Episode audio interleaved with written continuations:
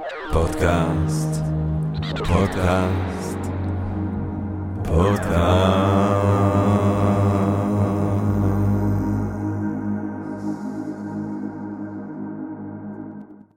טוב, גבירותיי ורבותיי, ברוכות וברוכים הבאים לפודקאסט של Think and Ring Different, פודקאסט למי שאוהב לחשוב ולשתות. אני ג'רמי פוגל, ואנחנו רוצים קודם כל להתחיל עם רגע של הודיה לעצם היש, לעצם היקום, לעצם המציאות הזאת שמאפשרת לנו למרות הכל להתכנס כאן למען הרחבת הדעת, למען הרחבת התודעה, למען העמקת הידע, למען גירוי ואולי סיפוק של הסקרנות, אולי רעיון נשגב ככה באמצע היום, מי יודע.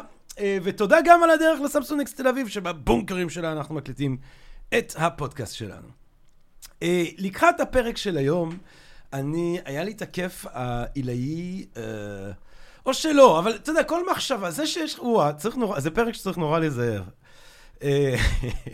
אבל היה לי את, ה, את הזכות להיזכר, כי עצם הזיכרון זה דבר טוב, לא כי הבן אדם ראוי שיזכרו אותו, אבל כי עצם הזיכרון זה דבר טוב, אה, בחברנו המחקי, מחקי דה סעד.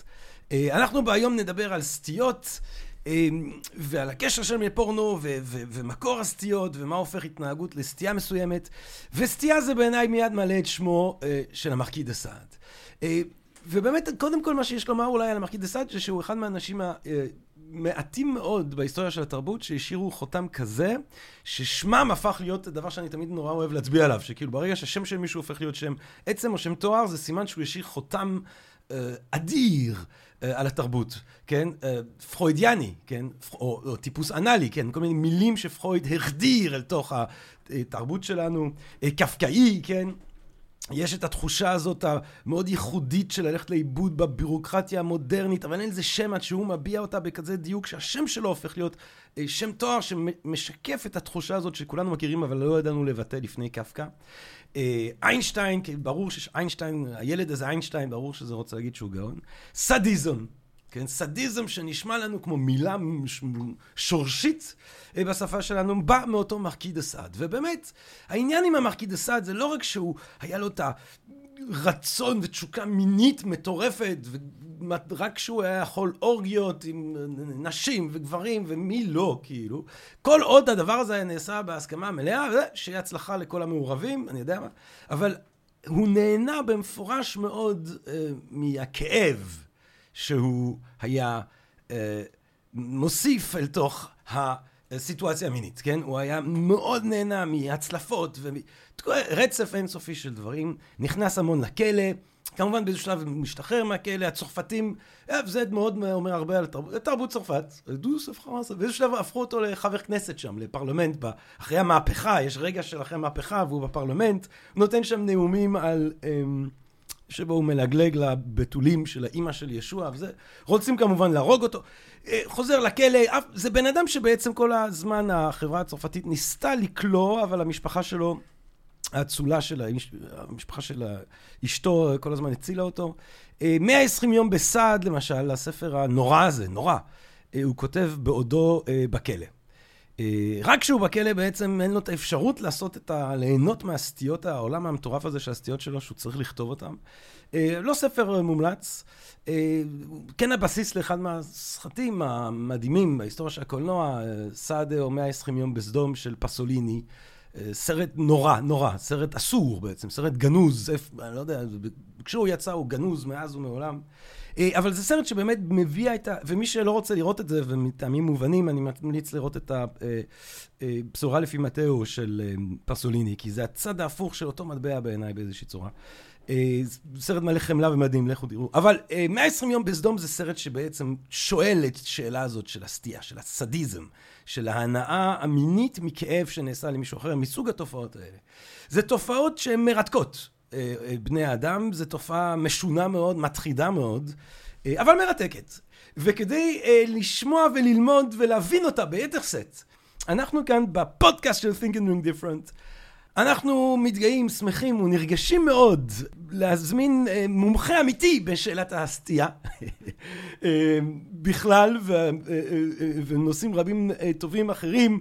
גבירותיי ורבותיי, אנחנו שמחים ומתגאים לארח כאן את דוקטור טל יעקובוביץ', או הוא, עוד מעט, כן, עוד מעט, הוא סיים, הוא הגיש את הדוקטורט מרתק הדוקטורט שנזכה לשמוע עליו היום, וטפו טפו טפו אנחנו מתקרבים, אבל טל יעקובוביץ' הוא קרימינולוג שהגיש את הדוקטורט שלו כאמור, שחוקר את הסטיות המיניות, הוא כתב תזה על פורנוגרפיה חובבנית, תואר ראשון בפסיכולוגיה וקרימינולוגיה, תואר שני בקרימינולוגיה מחקרית, כל התארים כולם באוניברסיטת בר אילן, הוא כבר מעורב, האיש הזה לפני רגע הגיש את הדוקטורט, הוא כבר מעורב בפרויקטים מחקריים מרתקים, כאילו, על איך באמת בדיוק התנהגות שפעם נראית ראויה הופכת להיות סטייה בדיעבד, כל מיני אלף ואחד מחקרים אחרים שעליהם כולם אנחנו נזכה לשמוע היום. טל יעקובוביץ', במהרה ובמעניין דוקטור טל יעקובוביץ', שלום רב. שלום, אף פעם לא התלהבו ממני ככה.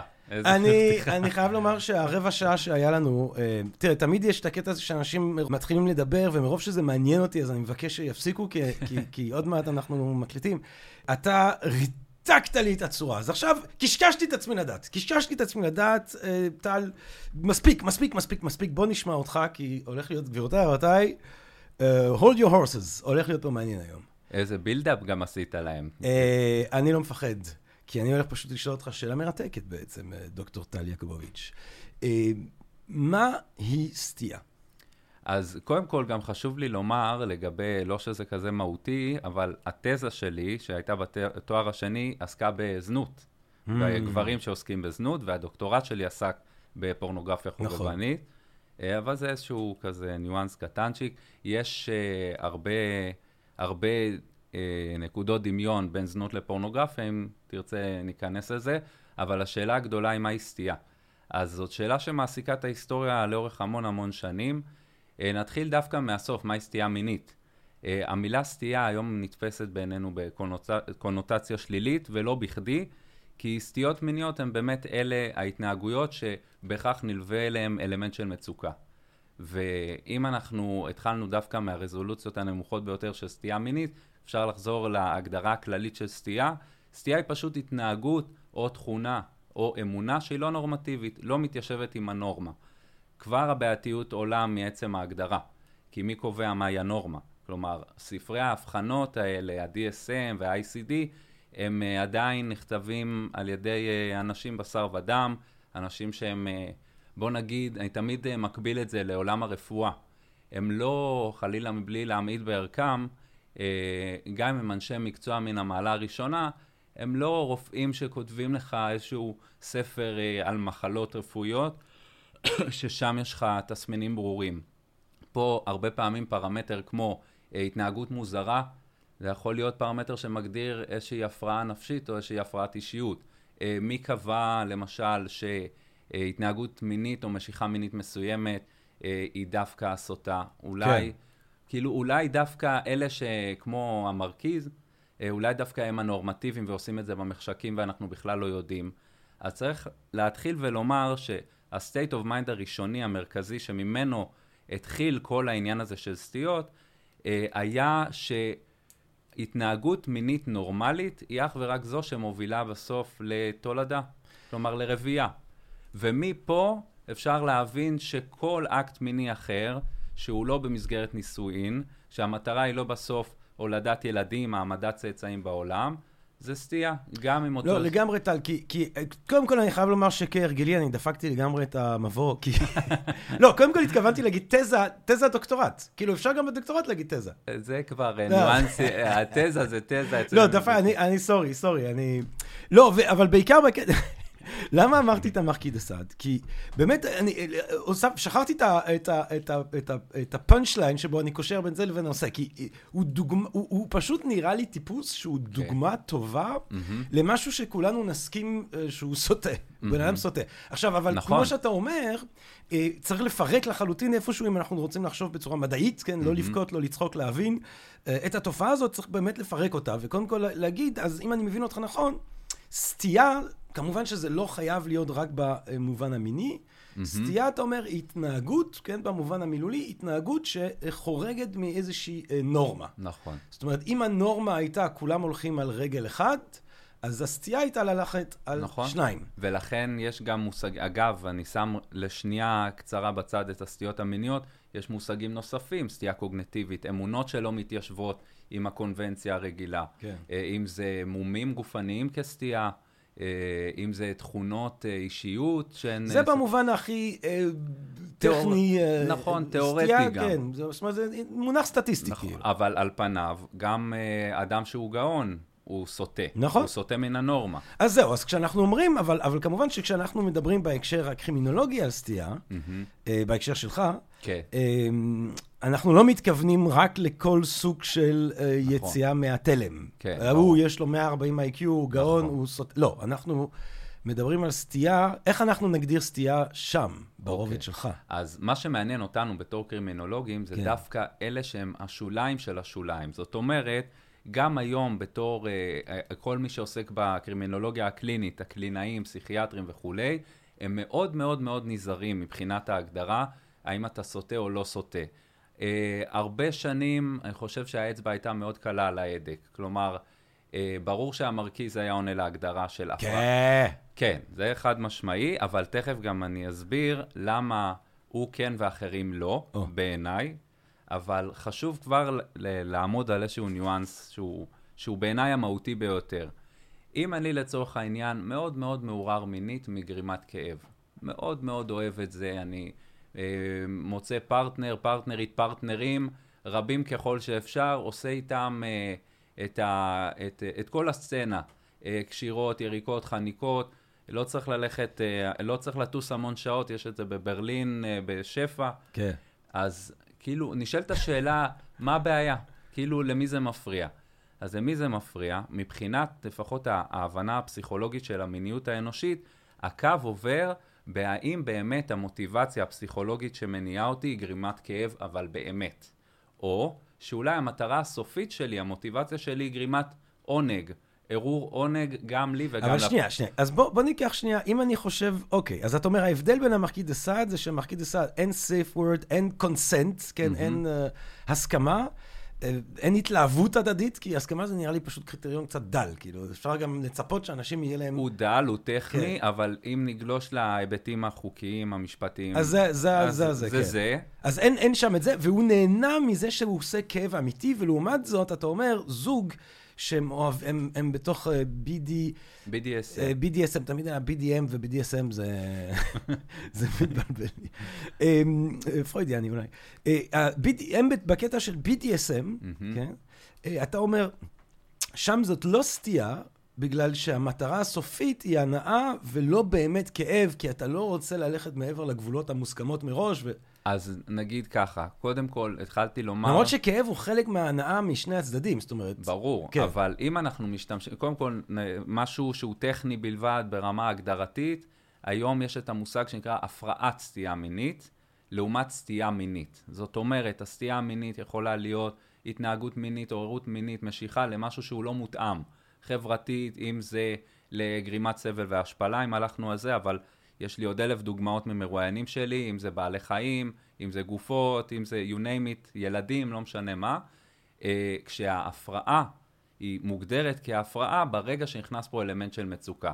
עכשיו, ברמה הכי הכי פשטנית שיש, אם אני באמת באמת נהנה לראות דם, אני נהנה מהזעקה, יש את המקרה המפורסם של דיוויד פארקר ריי, מה שנקרא רוצח ה toy box, אם שמעת עליו, הוא עורר מינית מה, מזעקות החמס של הקורבנות, mm-hmm. הוא עורר מינית מזה שהיא אה, מבועתת לחלוטין, הוא נהנה לראות את הדם, הוא נהנה לראות אותה נקשרת ומעונה.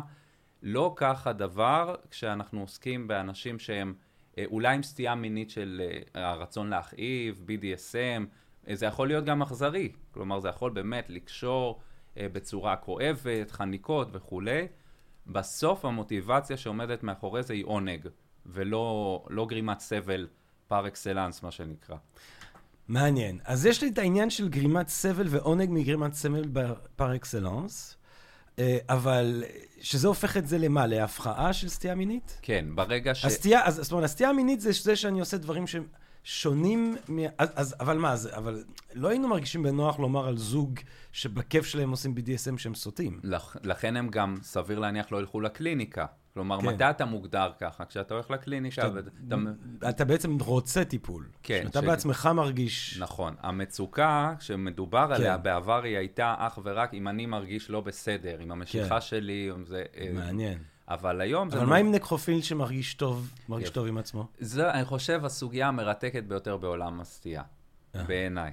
כי זה אה, נכנס... נקרופיל שקם בבוקר, מרגיש טוב, איש טוב, ברור. עוזר לעולם. עוזר- ברור. לא מזיק נכון. לשום דבר חי. אה, חוץ מ... טבעוני. חוץ מלפמפם גופות, הכל בסדר איתו. תראה, כל אחד והקטע שלו, כאילו, נכון. מה, אתה נורא שיפוטי. אתה. צודק. נורא, יש נורא נורא שיפוטי. יש כאלה שאוהבים פריחיות, יש כאלה שאוהבים גופות, זה אבל... אה, אז רק שנייה, מה... בוא נדבר שנייה על נקרופיליה. רק יאללה. שנייה, אתה יודע אני, סורי, אתה מקודם, פשוט מקודם אתה זרקת... הרמתי להנחתה. לא, לא, אתה זרקת בנונשלנטיות. על הדרך. אני ראיינתי זה. אתה ראיינת נקרופילים? שני נקרופילים, אבל צריך להבין שמבחינת הספרות, נקרופיל, אה, יש שם סיווג מאוד אה, ברור. כן, כן. יש את הנקרופיל הפעיל, שהוא גם מסווג, שם זה מסווג לפי האם זה אדם שבאמת ילך פיזית ויוציא מבתי קברות גופות, שפגשנו מקרה כזה, לפחות לפי הידוע לי, רק פעם אחת בישראל, של פרדי שטויר, שהוא היה ניצול... פרדי שטויר. כן. פרדי, אם אתה שומע, הוא לא איתנו. הוא לא איתנו. הוא נעלם. הוא פשוט נעלם. פרדי, פרדי, אם אתה מאזין, אם אתה מאזין. תחזיר לי את, אה, את אחותי הקטנה, אם אתה יכול. אה, רק שנייה, פרדי גם היה... לא, אוי, לא. הוא אהב, אה, כן, קטינות, או אוי, השתעשע לא, עם פרדי. גופות של ארבע אוי, ילדות. לא, לא, וואי. מחריד, אני לא. לא רוצה לזעזע. רק שנייה, לא, כי חשבתי ש... אתה יודע, מילא רק גופות, אבל פרדי היה... מולטי, כן. אוי ואבוי. טוב, אז לא, בלי דש. כאילו, בלי דש. הוא הלך? הוא נעלם, פרדי? הוא נעלם. הוא חי? אה, קשה לומר, לדעתי הוא כבר לא איתנו. לדעתי הוא לא איתנו. אוקיי, פשוט אז מה הסיפור? סורי, מה הסיפור של... איך קוראים לו? פרדי שטויר, פרדי שטויר. כן. אבל רק נתתי אותו כדוגמה כן. לנקרופיל שלמען הנקרופיליה שלו הוא ממש ילך לבתי קברות ויוציא גופות. הוא, פרדי הלך לבתי קברות. זה נורא, זה נורא. כן, אוי. כן. כן, אז הוא הלך פיזית והוציא, והוציא לא, גופות, לא. ועשה בהם שימוש אוי, מיני. פרדי, לא. אבל יש את החמורים יותר בעיניי, שאלו הם הנקרופילים שירצחו למען השימוש המיני בגופה, עליהם אנחנו שומעים המון בנטפליקס, אה, למשל אה, תקשיב, קמפר. אני לא באתי מוכן נפשית למה שקורה כאן היום, צה"ל. אני יכול לדבר על דברים פחות לא, נוראים. לא, לא, לא, לא, לא, חס וחס, חס וחס. אנחנו, אנחנו נחצה את ה... אבל בוא נחצה נדבר- את ה- את האוקיינוס הזה. לא, בוא- לא, לא, לא, בוא לא. נדבר על הנקרופילים שהם על ליד, שהם כאילו... לא, שנייה, לא סיימנו. היי, שנייה, אנחנו לא סיימנו. עברנו מפרדי, שהוא הלך, כאילו, פרדי הלך, מה, וגופה אה, ביום של הלוויה? הוא- תשמע, המקרה הזה, בוא נתחיל עם זה שהוא התחיל... פרדי, פרדי. פרדי, פרדי. פרדי והשטויות שלו, מה. שנקרא. פרדי, הוא היה, הוא התחיל כאיזשהו קוריוז בעיתון העולם הזה. פרדי. פרדי, כן. נורא ואיום. אז uh, הרבה, בוא נגיד ככה, הרב הנסתר על הנגלה במקרה שלו, עד היום לא ברור עד הסוף מה הוא עשה עם הגופות, ואיך בדיוק זה כן. קרה, עדיף גם לא להעמיק בעיניי. ופרדי גם פגע באנשים חיים, אבל. הוא היה, התנסה במין עם בעלי חיים, אוקיי. לא נראה לי שהוא פגע ב, באמת בקטינים, כלומר זה לא הוכח, זו הייתה פנטזיה שלו. אה, זאת, הוא- אוקיי, שנייה, שנייה. זו. הייתה פנטזיה. אה, זה- אבל שנייה. לא, אתה- אבל זה- הגו, הגופות שבהן הוא פגע שילבו גם את, המחשב, את הסטייה הפדופילית. זה הגופות אוקיי. של ילדות. וואי, אלוהים ישמור. כן, אז בואו נניח לו. שינוח על משכבו. זכר צדיק לברכה, נניח. טל יעקובוביץ', וואו. אוף. אבל יש מקרים, אלה שאני פגשתי, הם לא, אז שנייה, לא אוקיי, אז. אבל אוקיי, אז, אז, אבל, אבל אתה יודע מה? יש פה אולי, זה, זה נורא, נורא, נורא, אבל אתה הבאת דוגמה באמת מורכבת, כי יש לנו פה, יש לנו פה איש מהמם. שמזהה בעצמו את הדחף הנורא הזה, כן? אמ, ובמקום ללכת ולפגוע בילדים חיים, אז הוא אומר, טוב, אני... אני לא חושב שכך עובדת... האם, האם היה לא. שם מחשבה מוסרית לא, כזאת, לא, לא. של עדיף זה מאשר לפגוע. במישהו חי? אם היינו יכולים להציץ אל תוך עולמם ולהבין את המוח, איך המוח שלהם כן. עובד, לא היה צריך אותנו, לא היה צריך קרימינולוג כן. וחוקר של סטיות. אבל מה שאני חושב הוא שזה לא, במקרה שלו ספציפית בנקרופיל בכלל, זה לא מתוך איזושהי מחשבה מוסרית. למה? כי מוסר, בין השאר, זה נוגע ב, בשאלות אה, כן. גם תיאולוגיות מאוד גדולות של כבוד המת וכולי. אה, לא נראה לי שהוא אמר, טוב, עדיף שאני אפגע בגופה, כי גם ככה אף אחד לא נפגע. זאת שאלה אחרת. כן, לא, טכנית אתה יכול פחות להאמין בכבוד המת מאשר בכבוד האדם החי, אני יודע מה. אוקיי, הבעיה מתחילה בזה שכאשר מתעוררת אצלך, ואלה, זה מתקשר שני המרואיינים שהיו לי, שיש לך את הפנטזיה... כן, לא, נגיע אליהם, סורי, אני פשוט, כל דבר שאתה אומר מעניין. אה, אה, אה, טל. אוי, אני... ככה גם אמא שלי אומרת. אתה גם איתה מדבר על... האמת שכן. מה אתה אומר? כן, הם היו, ההורים שלי היו בהרצאות שלי לא מעט פעמים. אתה כאילו מסתובב בעולם, מדבר על כאילו כל מיני אנשים אבל בדייטים לא כדאי לעשות את זה. אתה אומר זה לא פחות עובד. פחות עובד. טיפ, כן. טיפ לחיים. טיפ, לא לדבר על נקרופילים בדייט ראשון, וגם עדיף לא באירוע משפחתי עם הדודות, זה פחות. הן פחות מתחברות לנקרופיליה. כן. לא ברור מה קורה, למה לא, אבל נקבל את זה. אז מה שהתחלתי לומר, שכשיש להם את ה, רק הפנטזיה הנקרופילית, כן. הרבה מאוד פעמים הם, אם זה ממש אה, נקרופיליה אמיתית שמפעילה את האדם, אז הוא יעשה הכל כדי להשיג את המגע המיני הזה עם המת. אפשר להיכנס ללמה, והסברים עד היום הם לא ברורים. אה, אם זה ללכת למכון הפתולוגי ולנסות איכשהו לגעת, אם זה חלילה במצבים ששולבת גם פסיכופתיה, שיש קומורבידיות עם פסיכופתיה, אז האדם יכול באמת לפגוע כן. באדם ולגרום לו למוות או לפגיעה מאוד קשה על מנת להגשים את הפנטזיה. אז כאן הבעייתיות, ולכן הנקרופיליה עדיין, אגב, היא הקצה של הקצה של הסטיות. באופן מאוד טבעי וברור, אה, יש תת דיווח מטורף. המחקר הכי גדול שהיה על נקרופילים, אה, מן הסתם פגש אותם אחרי, פגשו אותם אחרי מעשה, וגם הוא היה די מצומצם, כלומר לא מצאו איזשהו אה, מדגם כזה מאוד גדול. כן. זה לא יחסית נדיר. מאוד נדיר. אבל שנייה, אז המרואיינים האלה שראיינת אותם, כמובן שהם באו מתוך מצוקה אה, שיש להם כאילו פנטזיה טורדנית כזאת של, של נקרופילית, והם באים והם ניגשים אני, ממש כאילו, תעזרו לנו. אני אגיד לך איך זה, איך לפחות זה עובד איתי, כי כן. הרבה פעמים הקונסטולציה לא כל כך ברורה. אני כן. לא קרימינולוג קליני, כלומר, אני לא יכול לעבור, לעבור איתם תהליך טיפולי. מה כן אני יכול לעשות, ולרוב זה מוביל כן לטיפול. Uh, בתחילת הדרך, שזה היה למשל מחקר על זנות גברית, מחקר על פורנו, הם הובילו אותי באופן ישיר לעולם הסטיות. ואז גם אם רציתי וגם אם זה לא היה חלק ממטרת המחקר, וגם אם לא רציתי, פגשתי את הסדיסטים ואת המזוכיסטים ואת הפטישים למיניהם, ואז גם נחשפתי לזואופיליה ולנקרופיליה וכולי, אז פגשתי אותם דרך המחקרים האלה. ואז כשהתחלתי את ההרצאות ואיכשהו אנשים uh, שמעו, איכשהו, אני היום אם תרשום טלי יעקובוביץ' מיד יירשם סטיות מיניות. Uh, זה קצת מחריד בעיניי, אבל זה מה יש. אז מיד פונים אליי.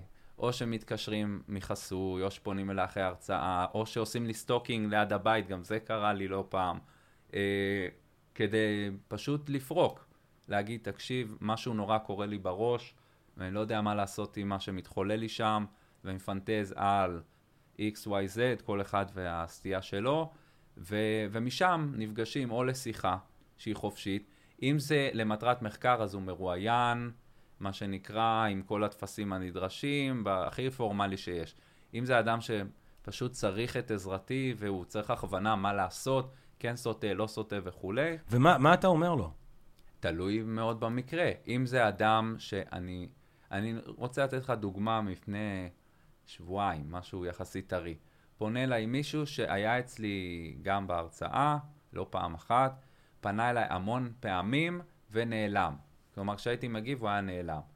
והוא אמר לי, חייב, חייב שניפגש, חייב שניפגש. כמה פעמים ניסיתי לחלץ בטלפון על מה מדובר, לא, לא הייתה תגובה יותר מדי, וכשנפגשנו הוא אמר, אני מתחיל לגלות עניין בילדים. עכשיו, על פניו, אין פה, הוא לא מתאר לי משהו שהוא כבר עשה. מבחינתי זה לא משנה. באותו רגע האדם, בעיניי, כטל אני אומר, לא כקרימינולוג, מחויב ללכת לטיפול. למה? כי אני לא רוצה עליי את האחריות שהבחור הזה אה, צפה בפורנו ילדים, וכדור השלג הזה יתגלגל, ואז הוא יתחרמן מילדים שהוא ראה בגינות, ובסוף הוא תקף. כן, טוב. עד, עדיף uh, לגדוע את זה כשזה כן. מתחיל. בטח. זו, זו דעתי. וטיפול, הפניה לקרימינולוגים קליניים, שאיתם הוא ממשיך את התהליך. ומה, מה, איזה תהליך הוא בכלל אפשרי, אה, טוב, כי, לאדם כזה. זאת אומרת, אה, כי, כי כבר פה אני חושב שמעניין מבחינה קרימינולוגית את האפשר, או תגיד לי אתה מן הסתם, אבל האפשרויות לתגובות שונות. זאת אומרת, מהמם.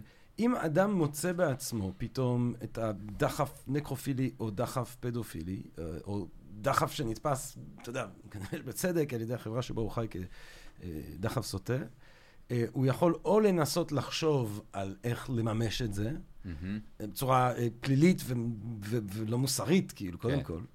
אה, או שהוא יכול באמת לנסות למצוא לזה מזור טיפולי כלשהו. אז זאת אומרת, כבר פה יש איזשהו... נכון? יש, יש לך איך לאפיין את האלה כן. שהולכים לשם ואלה שהולכים לשם? תראה, מאוד קשה, הדיכוטומיה לא משחקת לטובת הקרימינולוגיה אף פעם. אה, כל העניין הזה שאני אני תמיד דוגל ב, ב... בוא תוציא, כלומר בוא תספר לפחות לאדם אחד. אני מנסה מאוד בכל כוחי שהחברה תהיה טולרנטית ופתוחה ככל הניתן, במיוחד אנשי מקצוע. כשאני מכליל בהם גם רופא משפחה, שהם הרבה פעמים האדם הראשון שהם פוגשים, או פסיכולוג, או קרוב משפחה, תוציא את זה מהפה. למה? משתי סיבות. נגעת באלמנט המוסרי, נכון? אני עוד לא, לא הרחקתי לפלילי, כי הוא לא מקומנו לדון בו, אולי כן, אבל בואו ניתפס רגע לאלמנט המוסרי. קודם כל, המוסר כלפי עצמך. האם באמת מגיע לך לחיות בסוד? האם באמת מגיע לך לחיות בהסתרה? הרי זה, זה כמו עול על הכתפיים של האדם. כן. ואם בסוף, אני יכול לתת לך אין ספור דוגמאות, בסוף הדרך הוא אזר אומץ והוא נפגש איתי ולא ידע איך להוציא את זה מהפה ועשה הכל כדי שלא ידעו ואוי ואבוי, בסוף הוא בא ואומר לך, אני נמשך לכפות רגליים. אמרתי, אוקיי, כן. אוקיי, מה, למה, למה הלקט את עצמך כל כך? כלומר, כן. נכון, זה פטיש, ויש רבים וטובים שאוהבים את זה. אז זה הדבר הראשון. אחד, אלמנט מוסרי קודם כל כלפי עצמך. ושנית, גם נוגע באלמנט המוסרי, יש כאן חברה שצריך להגן עליה. כלומר, אפשר להיכנס פה ל, לסוגיות שונות, למה מקומנו ב... לא להיות פטרנליסטי מדי, אבל כן יש לך אחריות, גם להגנה מפניך. ו, ומאוד מאוד חשוב לאמוד על ההבדל. האם אני באמת עלול לסכן מי מהציבור, או האם, שאני, האם אני יכול לחיות בשלום עם המשיכה הלא מותאמת שלי. ולכן אתה צריך להוציא את זה מהפה, תתייעץ עם האדם המתאים. תמצא לך מי מתאים לך, בתקווה שהוא יהיה מספיק אז, טולרנטי. אז קודם, קודם כל, באמת, אה, בוא נאמר ברצינות גם, שאם יש, אה, הקהל נכון? הקדוש שלנו, מי שמאזין לנו, שהם באמת אנשים טובים. פרדי, אם אתה איתנו, כן. פרדי, אני, פרדי הוא מקרה מורכב כבר, אבל אה, מי, ש, מי שמזהה בעצמו דברים כאלה, ו, אז קודם כל, באמת, עצם זה שהדבר נמצא זה עדיין לא דבר... זה לא מגדיר אותך, זה מה כן, שאני רוצה זה לומר. משהו שנוכח, וזה כמו שלמישהו יש גידול סחטני באיזושהי צורה, זה נכון. סתם איזה משהו שנמצא. בוא נק... אם אנחנו באזור, מדברים בעיקר על בריאות הנפש, אז כן. זה כמו מתמודד נפש. בדיוק. לכל דבר, אתה לא סכיזופרן, אתה אדם שחי עם סכיזופרניה, אתה אדם שחי עם הפרעת אישיות, זה לא מגדיר אותך כאדם. זה... ולמי, ולמי הבני אדם כאלה כדאי להם לפנות, כי הם צריכים עזרה. אני חושב ששלב ראשון, מניסיוני, כן. העדיפות האידיאלית הייתה, לך ישר תפנה לקרימינולוג קליני, שגם מתעסק בתחום הזה. אבל כמה, כמה אדם כזה באמת מכיר ויודע. אז בהינתן ואני לא יודע מה זה בכלל קרימינולוג, ואני עוד מפחד מהמחשבה לא, אבל מי שמאזין עכשיו יודע מה זה, אנחנו מדברים על התחום. מי לא, שמאזין... אז תהיה מופתע לדעת שרבים כל כך מפחדים מעצם המחשבה של התיוג ושל וואי, אני צריך טיפול, זה לא בסדר. תנו לאנשי המקצוע לעשות את ההבחנה אם זה בסדר, כלומר אם יש לך איזה קינק או פטיש או סטייה מינית שהיא היא בסדר, היא ביזארית יכולה להיות מוזרה, או שהיא מצריכה טיפול. אבל צריך לדבר. זה יכול להתחיל, אני ממליץ, להתחיל מאדם קרוב שהוא מספיק פתוח, שאתם אומרים, בואנה, הוא הבן אדם שיקדם לי את הסוגיה הזאת, הוא ידע למי לפנות. כל אדם צריך את ה... או, או פשוט תפנו לקרימינולוג, אה, נכון. לפסיכולוג, אה, איך זה הולך? או פסיכולוג או קרימינולוג קליני. אה, סליחה, קרימינולוג קליני. כן, כן. תפנו לקרימינולוג קליני. נכון, ולהציג את הבעיה, והרבה מקרים פשוט נפתרים בתשמע, בוא, בוא נברר על מה זה יושב, בוא ננסה להבין את, ה, את הסטייה. זה, זה גם חלק מאוד חשוב בתהליך. מה, מה, מה התהליך? מה קורה אצל קרימינולוג קליני? אוקיי, אז בשלב, הר- בואו נלך רגע על פדופיל, אוקיי? Mm. נגיד ואני הבנתי על עצמי שאני נמשך לילדים, Mm. ואני לא רוצה לפגוע, אבל הבנתי, זה לא באופן חד פעמי, שאני לא יודע, עברה לי איזושהי מחשבה, חלמתי חלום, ולא, מדובר פה על משהו אה, עקבי, רציף, חצי שנה ומעלה. מבחינתי, אני חושב שה-DSM קצת עושים אה, משהו קצת קצת אה, שגוי, שהם נותנים הגדרה של חצי שנה. מבחינתי, גם אדם שחודשיים מאונן על פורנו ילדים, צריך ללכת כן. ולראות מישהו. כן. עכשיו, יגידו מי שיגידו... DSM, אה, רק להזכיר למאזינות ולמאזינים, DSM זה כאילו האנציקלופדיה של... התנ"ך כן, הפסיכיאטרי. התנ"ך ספר- הפסיכיאטרי שמקטלג את כל נכון, הדברים. ו- ספר האבחנות כן. הפסיכיאטרי, ובתוכו יש גם את הפרפיליות שלהן, הסטיות המיניות. אז יש מי שיגידו, אבל הוא, הוא לא פוגע, יש לו רק פנטזיות, הוא רק מאונן על פורנו, עדיף שהוא לא יפגע, כמו... טוב, ל- קודם כל, הרבה פעמים הפורנו עצמו הוא פגיעה נוראית בילדים. ברור. מן הסתם. אם זה פורנו אמיתי, אני... ברור, ברור, כשלעצמו, עוד מבלי להיכנס ל- כן. לנזקים של הילדים שעוסקים בזה, גם הצופה, מי שצופה בפורנו הזה, זה מקבע אצלו את הסטייה פשוט. כן. אז אני, once הבנתי, הבנתי ו- ואני במודעות ובהשלמה עם עצמי, ואני אומר, יש בעיה. יש בעיה, אני נמשך לילדים, אתה משתף מישהו. Uh, העדיפות היא שבעולם מושלם, שאתה הולך לרופא משפחה נגיד ואומר לו, מה אני עושה? אני יודע שאני עלול לפגוע בילד. רופא משפחה טוב בעיניי, או פסיכולוג, או לא משנה מה, מטפל מכל סוג, צריך לבוא ולהגיד, אוקיי, אנחנו מתחילים איתך תהליך. זה מאוד מאוד מאוד אינדיבידואלי, אבל אם נכנסת לטיפול, אה, פרופסור יעלי דיסיס היא המנחה שלי, אחת משני המנחים שלי לדוקטורט, היא, היא קרימינולוגית קלינית והיא מטפלת בפדופילים ופוגעים מינית, גם במגזר החרדי דרך אגב, אה, וסתם אני לוקח את הטיפול שלה, שהיא עושה. אה, הוא קודם כל קוגניטיבי התנהגותי. מה שצריך לזכור, גולת הכותרת של הטיפול, אנחנו לא יכולים להמיר אותך ללא פדופיל. אולי בעזרת השם מתישהו יגיע לנו איזה מחקר פורץ דרך במדעי המוח, שיגידו לנו, stop, מצאנו את הגן, מצאנו את האזור במוח. אנחנו לא שם כרגע, לכן עובדים על הקוגניציות השגויות, על עיוותי החשיבה, מנתחים עם הפוגע, את, או הפדופיל, את מעגל הפגיעה, ממש מנסים לזהות איפה הוא נופל כל פעם, וטיפולים קבוצתיים שיש להם אחוזי הצלחה מאוד גבוהים, ולצד זה יש את הדקפפטיל, שזו הזריקה שמקבלים בזרוע, פעם בחודש, כמובן תלוי ב, בהמלצה של המטפל, אה, וזה מפחית את הדחף המיני. אבל כל זה לא יכול לקרות, כי אם אתה לא אומר, אנחנו לא יכולים לדעת. כן. המציאות העגומה, והיום אנחנו רואים את זה המון ברשת, כל אוהדי הפדופילים למיניהם, שהם בינינו. כלומר, הם אנשים שאין לנו דרך לזהות אותם. הם חיים בינינו. אם אתה שואל את דעתי, אני לא חושב שלעשות להם אה, שיימינג, או לבוא ולערוב להם, כמובן שזה זה, זה מעשים מזוויעים. מי שפוגע בילדים, כן. מגיע לו... זה, אבל זה, הם באמת אוהבים להם בשלב שה, שאנשים כבר כאילו יצאו מה, מהמחשב למציאות. נכון. אז האידיאל, והלוואי והוא יוגשם, הוא לפני שאתה פוגע, בוא נטפל, בוא, בוא תיגש לטיפול, שם כבר ידעו מה לעשות איתך. ואז להתחיל לעבוד על זה. אתה ציינת את, ה, את העניין הזה שבאמת של אה, פנטזיות שאחר כך, ש, ש, אה, הסתם מובילות לצפייה בפורנו, לא יודע, נקרופילי, פדופילי, או זואופילי, מה שלא יהיה. אמ, ואתה אמרת שזה מקבע את, ה, את הסטייה. זאת אומרת, אני תוהה, האם, האם למשל אה, צפייה בפורנו יכולה להיות אה, למישהו שחווה את התשוקות האלה, אה, סוג של דרך לספק אותן, או האם בהכרח זה רק יחמיר? אז זאת אומרת, האם, האם אם אפשר יהיה לעשות אה, פורנו בשל, אה, אתה יודע, שאתה עושה ב, ב, ב, בסרט מצויר, בלי שאתה פוגע אז בכבוד המת, האם כדאי לעשות פורנו נקרופילי לנקרופילים אוקיי. כדי לתת להם סיפוק, או עדיף פשוט לא לא, תראה, קודם כל אין, אין אה, חד משמעי, אין כן. כן. משהו גורף. אני כן. כן. חושב שהתפיסה שלי, כל אדם הוא בפני עצמו, עם סיפור החיים שלו, עם ה-issues שלו, עם האישיות שלו, עם מה הוא מביא איתו לטיפול או לראיון. אז קודם כל זה פר אדם, כל טיפול הוא פר אדם. באופן כללי אני אגיד כך, פורנו, אמרתי שהוא מקבע את הסטייה, צריך, צריך לומר, הרבה פעמים גם אומרים את זה בהרצאות שלי, מה הבעיה? הוא, הוא צופה בבית שלו, זה הרע במיעוטו, לפחות הוא לא עושה את זה על ילדים.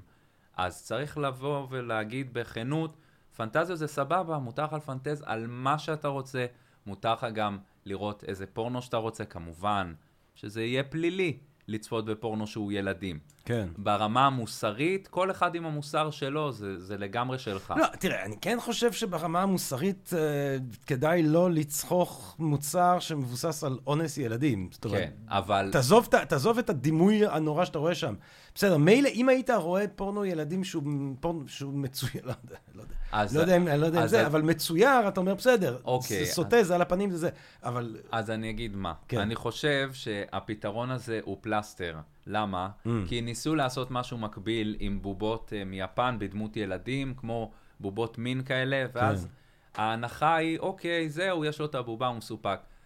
זה, לצערי, אני אומר, זו חרטא, זה לא הגיוני. זאת אומרת, הב- הבובה רק בעצם מגבירה לא, את ה... ברור, ברור. ה- גם הפורנו, גם כן. פורנו הילדים, יכול להיות שיש מקרים, אנחנו לא יודעים, אי אפשר להציץ לנבחי חייו של אדם ולדעת, יכול להיות שחיים בינינו עשרות אלפי אנשים שצופים מדי יום בפורנו ילדים ולא פוגעים.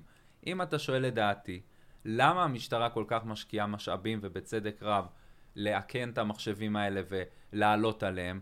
כי זה לא נשאר שם. כלומר, יצר מיני הוא יצר מיני, מיניות היא מיניות, היא צריכה, היא, היא אמורה לבוא לידי מימוש. once היא לא באה לידי מימוש, אתה תמצא את הדרך. אתה תמצא את הדרך לממש אותה.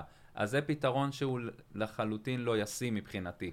אם אתה עושה להם דמויות אנימה, או מביים, וזה בעצם, אני מניח, אתה יודע, זה, זה מוביל לשאלה שאני חושב שכבר מתחילה לי, להפוך להיות ברורה לנו, של, של באופן כללי ההשפעה של, של פורנו על החיים המיניים אה, של בני אדם. כי, אתה יודע, זה לא רק, לא רק ש- שהרוב הכמעט מוחלט של הפורנו הוא בעצם תוצאה של ניצול נורא של, של בני אדם, של, אתה יודע, ילדים במקרים קיצוניים, אבל אה, נערות ונערים, וש, שהם לא בהכרח עושים את מה שהם היו בוחרים לעשות אם הם לא היו במצבים מאוד ספציפיים בחיים שלהם וכולי וכולי וכולי.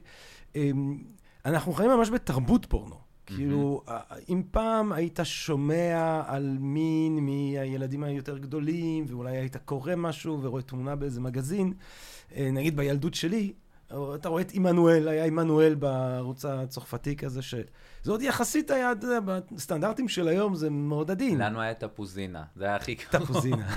שהיא באה פתאום עם פטמות סגורות בפריים טיים, כן. וואי וואי וואי, זה היה טירוף. זאת אומרת, זה, לא שם. היו, היה, זה היה תקופה שנאמר מה שנרצה, אבל במובן הזה זה היה טיפה יותר עדין. עכשיו, אתה יודע, ילדים רואים פורנו קשה מגיל מאוד נכון? מאוד מאוד צעיר. מפורש מאוד. אה, מה, איך, איך זה, אתה מרגיש את זה בא לידי ביטוי גם באיזשהו פן קרימינולוגי שכדאי כן. לחשוב עליו? כן, חד משמעית. אני חושב שנתחיל מהטוב. איך אמר לי היום אה, משה העיראקי בחדר כושר? הוא אמר לי, אני לא זוכר באיזה הקשר, הוא כל הזמן מעיר לי על התרגילים שאני עושה. והוא אומר לי, זה בסדר, תתאמן, אבל תזכור, הכל במידה. גם פה, פורנו זה סבבה, כלומר אין שום בעיה לצרוך פורנו אם אתה מדוד, אם אתה יודע לנהל את זה, אם זה לא משתלט לך על החיים, אם זה לא יוצא לך מצוקה או פגיעה בתפקוד. סליחה, סליחה, אני פותח, אני פותח פה את העוגיה הטבעונית שלי. הכל במידה. סליחה. כן. אז uh, כמובן לצרוך פורנו זה בסדר, ואין עם זה בעיה כל עוד זה ב- בצורה מדודה ומבוקרת. מתי נכנס לכאן בעייתיות? בוא נתחיל מהדבר התרבותי-חברתי שאמרת. האימג'ים היום הם מאוד מאוד מאוד מיניים. כל דבר הוא אפילו מינית מפורש. כלומר, זה לא מרומז מינית. נתתי את הדוגמה עם התפוזינה, שאז כן. הייתה עם הפרסומת עם החולצה כן. הרטובה, או הפרסומת של ליאור מילר, שהוא מתערטל בפני יעל אבקסיס, ולהפך, Mm. זה לא שם. לא, זה נורא מה שקורה.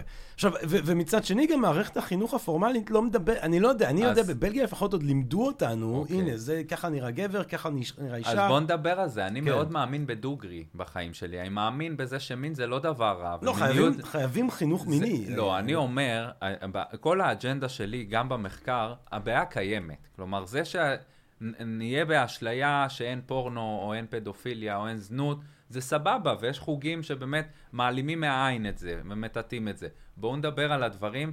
אני הייתי בעוונותיי מורה בבית ספר יסודי, הייתה לי סיטואציה כל כך הזויה. ב... הייתי מורה תורנית, ואני בכוונה אומר מורה תורנית, כי אין דבר כזה מורה תורן. כאילו זה בילט אין במושג. מה... מה... זה ת, תגדיר את עצמך איך שאתה רוצה להגדיר את עצמך. לא, אתה, אני הכל גבר פתוח. לחלוטין, אבל כן. כשאתה מורה ביסודי, אז אתה מורה תורנית הרבה פעמים, ושמעתי בחצי אוזן שתי בנות בכיתה ו' מדברות. אני לא יודע כמה מהדיבור היה באמת אמיתי, אבל כשאני שמעתי, עוד לפני שהתחלתי, חושב, את העיסוק שלי בסטיות מיניות, אחת אמרה, וואו, איזה חתיך זה וזה מכיתה ח', ואומרת, כן, איך בא לי למצוץ לו. ואני הייתי כאילו, ב... איך את יודעת, מי, מתי שמעת את המילה הזאת? אז היום זה מאוד תמים לשאול איך ילדה בכיתה, כי ילדה בכיתה ו' כבר יודעת מה זה סקס, היא ראתה סרטונים, כן, כן, ילדה בת אה, 12. כן. ואני זוכר שחזרתי מזועזע, וכאילו מבלי להיכנס לביקורת על, ה, על מערכת החינוך, יש קצת בעייתיות עם העניין הזה, כי הכל מאוד פוריטני בישראל סביב מין. אז אני זוכר כשאני הייתי בכיתה ו', באה לנו איזה אחות, שאלוהים יסלח לי, לא נראה לי שהיא עשתה סקס ב-60 שנה האחרונות. מישהי בלה, מרוטה לגמרי. בואו נדבר על קרי לילה. מה לך ולקרי לילה כפרה? כאילו, מתי... מתי הייתה אצלך התעוררות? כאילו, כן, קרי לילה זה נושא בכלל מעניין. כאילו, אה, אפשר לדבר על כן. קרי לילה, המושג קרי לילה, כאילו, הוא כל כן. כך אה, ארכאי. בואו נדבר על זה, קורה אצלה משהו פיזיולוגי בגוף, יש עוררות מינית, יש הצפה, ילד באלף בית מקבל כבר בוואטסאפ סרטונים עם סקס מפורש. לא, לא באמת. כן, זה קורה. א', זה- ב', ב', בוא נגיד, כן, אני חושב שכן. כלומר, זה לא יפתיע אותנו. שלום כיתה א', כאילו. בדיוק. אז כאילו, בואו נדבר על הדבר הזה, בואו נבין מה כן דבר שאתם יכולים לצרוך אותו בצורה נכונה, שזה לגילאים הרבה יותר מאוחרים בעיניי, לא א' ב', ומה מה, מה, מה ההשלכות של מה שאתם צופים. כאילו, מה, מה קורה למוח שלנו, או לתפיסת המיניות ותפיסה מגדרית, שאתה צופה בדבר שהוא הוא מבוים, הוא, כמו שאמרת, מבוסס על שיעבוד וניצול, ולצידו, אם כבר אנחנו מדברים על פורנו, יש את הזרם החדש, שזה הפורנו שאני חקרתי בדוקטורט, הפורנו החובבני, שהוא אמר, אוקיי, אני מבין שיש בעיה, לפחות אה, אם נלך לזה, אגב, כששאלתי אותם למה אתם עושים פורנו, לא מעט אמרו אידיאולוגיה. אני רוצה לחנך למיניות שוויונית, בריאה, שיבינו שמה שהם רואים לא מתוסרט, שיבינו שאף אחד לא כפה עליי לעשות את זה, אני לא מקבל כסף עבור זה, אני עושה את זה כי אני אוהב. ויש לזה כמובן מעל הכל את המענה לצרכים פסיכולוגיים, אבל אם כבר קיים הפורנו, ואם כבר יש חשיפה מוגברת בגלל אה, שפע המידע, ואם כבר בנות מדברות את המושגים האלה, זה בא להם מתוס. אני לא חושב שמישהי מהן באמת מודעת למה המשמעות של מה שהיא אמרה, אבל הן שומעות את זה. בואו נדבר על זה פשוט, בפתיחות. ויש היום תוכניות שכן עוסקות בזה, תוכניות חיצוניות שכן מופעלות בבתי ספר. לא, כי, אבל- כי תראה, כי באמת, אם ילדים מתחילים ללמוד על מיניות מפורנוגרפיה, ואין, ו, ו, ומצד שני, מכל גורם uh, מוסמך ואחראי על שפיותם, פריחתם, uh, אפשרות שלהם אה, לחוות מיניות עם uh, חסד uh, נשגב וחמלה עילאית, אתה יודע, לא יודע, זה נשמע כמו מריה תרזה, אבל כאילו מיניות בריאה ותוססת ויפה ו- ומרגשת, האפשרות שלהם להגיע לזה היא, היא תלויה במישהו שייתן משקל נגד במתווך. לרעל הזה. צריך מתווך, כן. צריך מישהו ש... אגב, גם בסגל אה, חינוכי, לא להתבייש לדבר על זה. כלומר, אני זוכר שבזמנו עבדו איתי מורות שהיו ממש נבו... כאילו, אם היו פעם במאה שנה מביאים איזה סדנה שמדברת על מיניות, על מחזור, זה כאילו היה ממש, אתה מרגיש אבל, אבל, מבוכה. זאת אומרת, אבל מעניין שלך יש כן גישה שהיא, זאת אומרת, כל זה שאמרת שסוגים מסוימים של פורנו יכולים לקבע ואפילו להגביר את הסטייה המינית ולהוציא אותה לפועל, חס וחס. יש לך כן גישה שהיא יחסית צלחנית לעצם הצפייה בפורנוגרפיה. זאת אומרת, כי יש אנשים, אתה יודע, יש קולות שאומרים שאסור אה, לצפות בפורנוגרפיה, שהתמכרנו לזה וצריך בעצם ממש להתנקות מהדבר הזה באופן גורף. אני לא שם, אני חושב שזו גישה שהיא קצת, שמע, יש הרבה גישות לשימוש בפורנוגרפיה, גם להשתתפות. כן. שזה, מה שעניין אותי יותר זה פחות הצרכנות, כי דשו בזה וחפרו בזה. אני אומר ככה, כמו כל דבר, כמו להבדיל אלפי הבדלות סיגריות, תהיה מודע להשלכות. כלומר, כשאדם בוגר, בר דעת, עם שיקול דעת, יודע ומבין שכדי להגיע לסיפוק מיני, הוא לוקח על עצמו שיש מצב שמשהו שם משתבש בתפיסה. שהוא לוקח על עצמו שזה יקבע אצלו לפעמים עמדות כלפי נשים. והוא עושה את זה פעם בשבוע, פעם ב... פעמיים בשבוע, ו... כלומר, הוא לא נפל מזה והכל בסדר והוא גם תפקד מינית ועדיין מיוצב ברמה המינית והכל מאוזן, אז למה לא? כלומר, אתה לא תעלים את הפורנו מן העולם. הוא גם לא אמור. כן. יש אה, חוקרים שיגידו שזה שסתום ביטחון ממוסד. כלומר, גם העלו את זה המרואיינים שלי הרבה פעמים.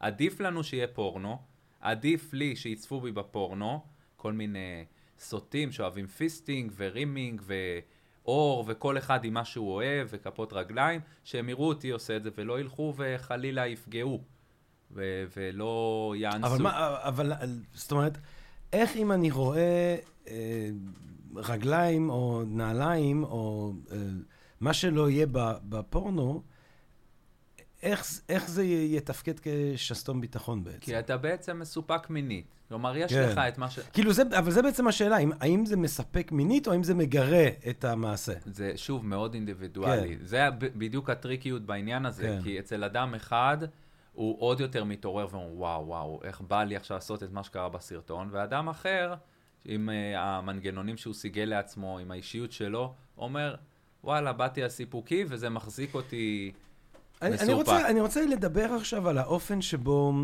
כי, כי זו שיחה מעניינת במובן הזה שאנחנו כאילו נעים בין לדבר על דברים שבאופן מובהק, מהמם. סטיות uh, מיניות, uh, במובן הזה שהן uh, התנהגויות שהתרבות שלנו פוסלת מופיעה. לחלוטין, כן. uh, נקרופיליה, פדופיליה, uh, זואופיליה. Uh, אל, ו, ו, ואז דיברנו גם על, על פורנו, שזה אזור הרבה יותר אפור, כי שם יש כל מיני התנהגויות שיכולות להיות uh, uh, שונות, אבל חלקן באמת יכולות להיות סתם קינקיות. כאילו, נכון, uh, כן, ובגלל זה אני לא נרעש מזה. זה, כן. זה מה שאני אומר. אני חושב שהזרם הזה שהפורנו החובבני, אותי יותר ריתק העניין ה... למה אתם עושים את זה, אבל אם כבר once הוא קיים, יש כאן תופעה, בואו רגע נסתכל על ה benefit שלה. היא קיימת, היא גם ככה קיימת, אז אולי כן. עדיף לנו שבמקום תעשיית פורנו עם כל הרעות החולות שהיא מביאה, יש כאן ז'אנר שלא בא להנדס לנו תודעה. הם גם אומרים, אנחנו אותנטיים. אתם רואים פה סקס אמיתי, כמובן, יש את ה over posing למצלמה לפעמים, אבל אתם רואים פה אקט בין שני אנשים שרוצים לעשות את האקט הזה, ש... שנתנו הסכמה לזה, הם רוצים לצלם, לא תמיד הם מודעים להשלכה של להצטלם ולעלות, אבל ברוב המקרים הדעה היא צלולה, והנה, אתם רואים פה משהו אותנטי, יש גם את הפורנו הפמיניסטי, היו לי מרואיינות, שזוג לסביות למשל, שאמרו, אנחנו מערות, דיברת קודם על המעשה הנשגב שבאקט המיני, זה בדיוק מה שהן מראות לקהל שלהן. הן לא מראות רק את האקט המיני, כאילו הברוטלי או הקינקי, מראות התלטפויות והתקרבלות. כמה צופים יש לזה, אני לא יודע. אבל כן, זה מה שהן מעלות, וזה זה מבורך בעיניי. כי זה ממש מראה את, ה, את המיניות כ, כצורך אנושי, Mm. בסיסי, טבעי, מקובל. וזה בסדר, זה מה שאני בא לומר. once נכנסה למשוואה השפלה, אה, נכנס ניצול, נכנס שיעבוד, אה, נכנס מי שלא באמת רוצה בדבר, מנוצל... כן, שלא בהסכמה, כי אה, השפלה, שעבוד וזה, בהסכמה זה... לא, אבל הסכמה, שים לב, אם אני נער בן אה, 14, 15, כן. 16, או נערה, ואני הסכמתי, אמרתי לבחור המפיק שבא גייס אותי לסרט, כן, כן, אני רוצה. אה, זה לא, מאוד- לא, לא, דיברתי על, על בחיים הפרטיים של אנשים, לא יודע, אה, אנשים ברור, שעושים... ברור. אנשים כן. שכל מי שעושה את מה שעושה בהסכמה והכל מקובל, והמטרה העילאית בסוף היא עונג וליהנות, לכו כאילו צחקו, כאילו תהנו. אבל אתה יודע, שיח דומה כמובן, הוא סובב גם את שאלת הלגיטימיות או הצורך או הצורך לפסול את, ה, את, ה, את הזנות. מהמם. זאת אומרת, גם שם אפשר להגיד, אה, זה משהו שקיים, וזה תמיד מהמם. היה קיים וכולי, וצריך צ- צריך פשוט אה, למסד את זה באופן כזה שמי שעוסק בתחום הזה יהיה מוגן כמה שאפשר, ויש כאלה שאומרים שצריך להפוך את זה לחוץ לחוק פעם אחת ולתמיד. מה, מה אתה חושב על הנושא הזה? טוב, אז קודם כל, הגישה, פה זה כבר, אם פורנו, יש שם דיון סוער, אז הזנות היא ויכוח אה, שניטש במשך המון שנים. אני מיקס של הרבה דעות בהיבט הזה. אני חייב להגיד שאני באתי עם, ניסיתי לבוא מנוטרל מעמדות, אבל זה לא הולך. באתי למחקר שלי על גברים בזנות בעמדה שכולם, ב-100% מהמקרים, הוסללו לזה בגלל תנאי חיים מאוד קשים, אין בחירה בזנות.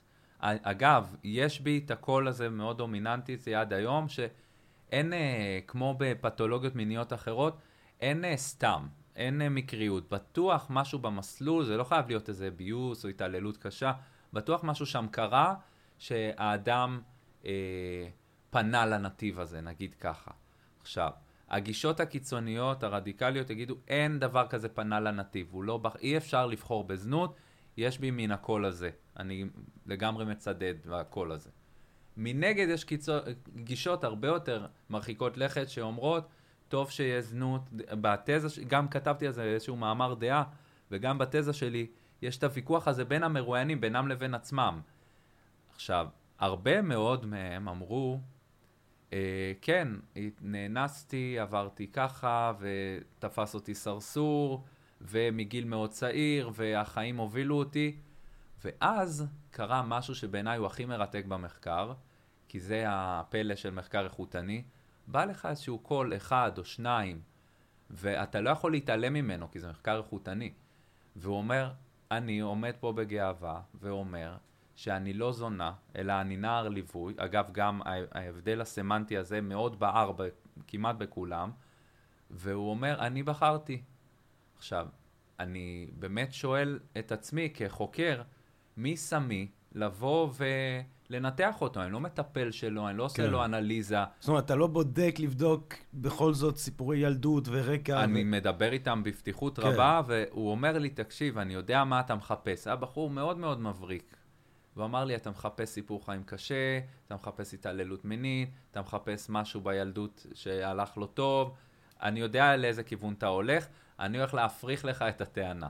אמרתי לו, תשמע, אני לא באתי עם טענה מוכתבת מראש, אבל וואלה, זה קול שונה, זה קול אחר. ואז, בסוף הריאיון הוא אומר לי, מאוד חשוב לי אבל שלא תעלים את הציטוטים שלי. וזה, אני חושב, העניין האתי שלי כחוקר.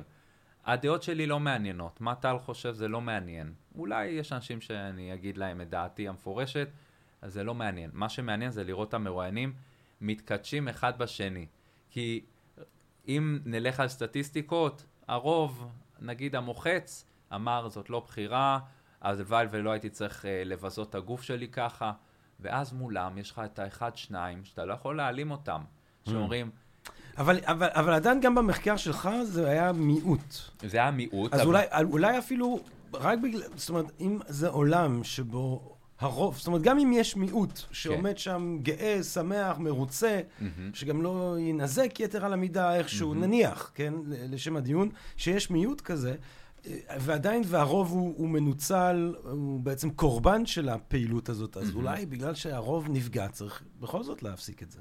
אני לא יודע אם להפסיק, תראה, השאיפה היא באמת, שוב, עולם אידיאלי שבו הפרפרים אה, והציפורים אה, הם נחלת העולם, כן. אז לא היה את הדבר הזה. אבל בואו נתחיל מ- מלמה, למה יש את זה. משחר ההיסטוריה התופעה הזאת קיימת, כי יש בני אדם.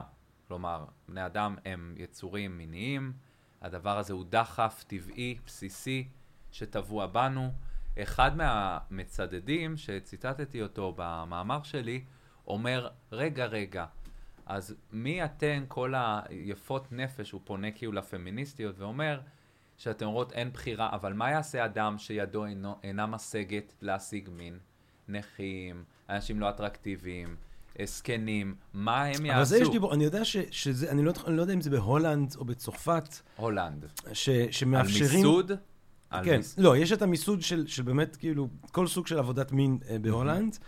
אני חושב, אני לא בטוח שבצרפת אה, יש באמת את מיסוד של אה, מגע מיני עם אנשים בנכויות מהמם, מאוד מאוד אה, מורכבות מהמם. אה, או משתקות. זאת אומרת, יש גם אנשים שלא יכולים פיזית אה, לאונן בעצם, למשל, אה, וזה גם אנשים שהם הרבה פעמים נמצאים במגע אחר להם.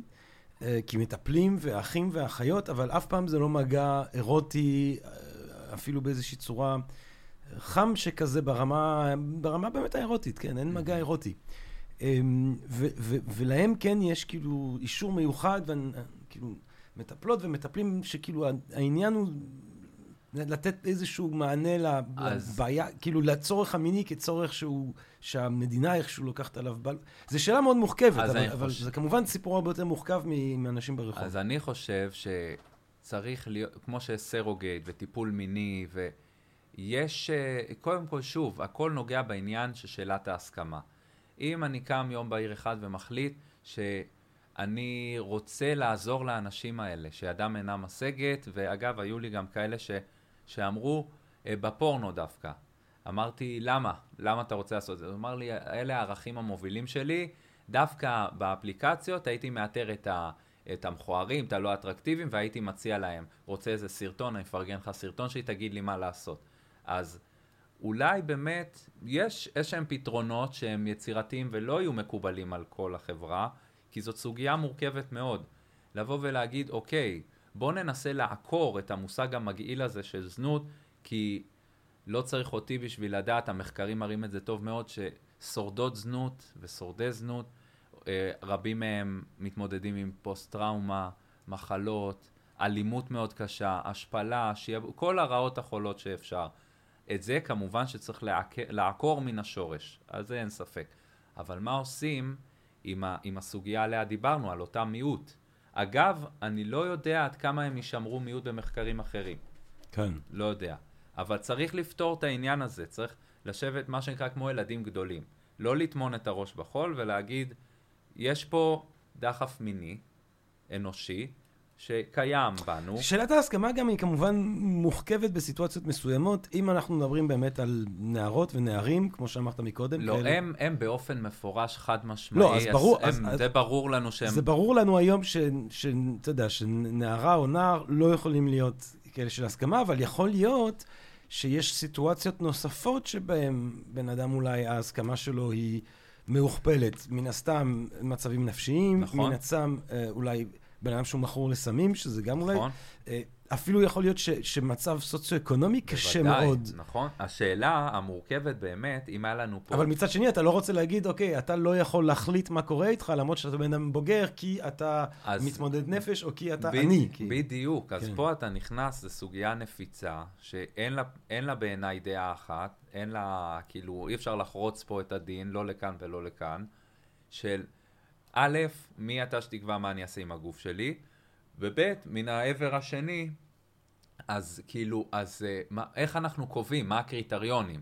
שוב, נלך על העולם האידיאלי, אם היה פה שר לענייני בריאות הנפש, והוא היה אמון בין השאר גם על הסוגיות הקשות האלה, הוא היה אומר, בעיניי, אם הוא היה ככה מבין עניין, שומע ת, תוך uh, ישיבה עם מומחים, עם קרימינולוגים, אנשים שהם באו מהשטח, כל עושי החסד שעובדים עם נשים בזנות, עם שורדי ושורדות זנות, לשמוע מהם האם זה משהו שבאמת, באמת אנחנו חייבים להילחם בו מלחמה עיקשת, מלחמת חורמה, כן. כמו שעשה החוק של הפללת צרכני זנות, או מנגד להגיד, בוא נתווה איזשהו, אה, נגיד, אה, איזשהו מתווה שקובע קריטריונים, מי כן יכול לעשות. אם אני בא ואני איתן, ואני יציב נפשית, בח... עשו לי אה, בדיקה פסיכיאטרית, בחנו אותי פסיכולוגים, וראו שאני כשיר נפשית ואין לי שום מורכבות ואין לי שום חסך כלכלי, ובא לי להיות אה, אותו מטפל מיני, או אה, סרוגייט, או נער ליווי, לאפשר לי. אבל פה אתה הולך על עולם תיאורטי שהוא...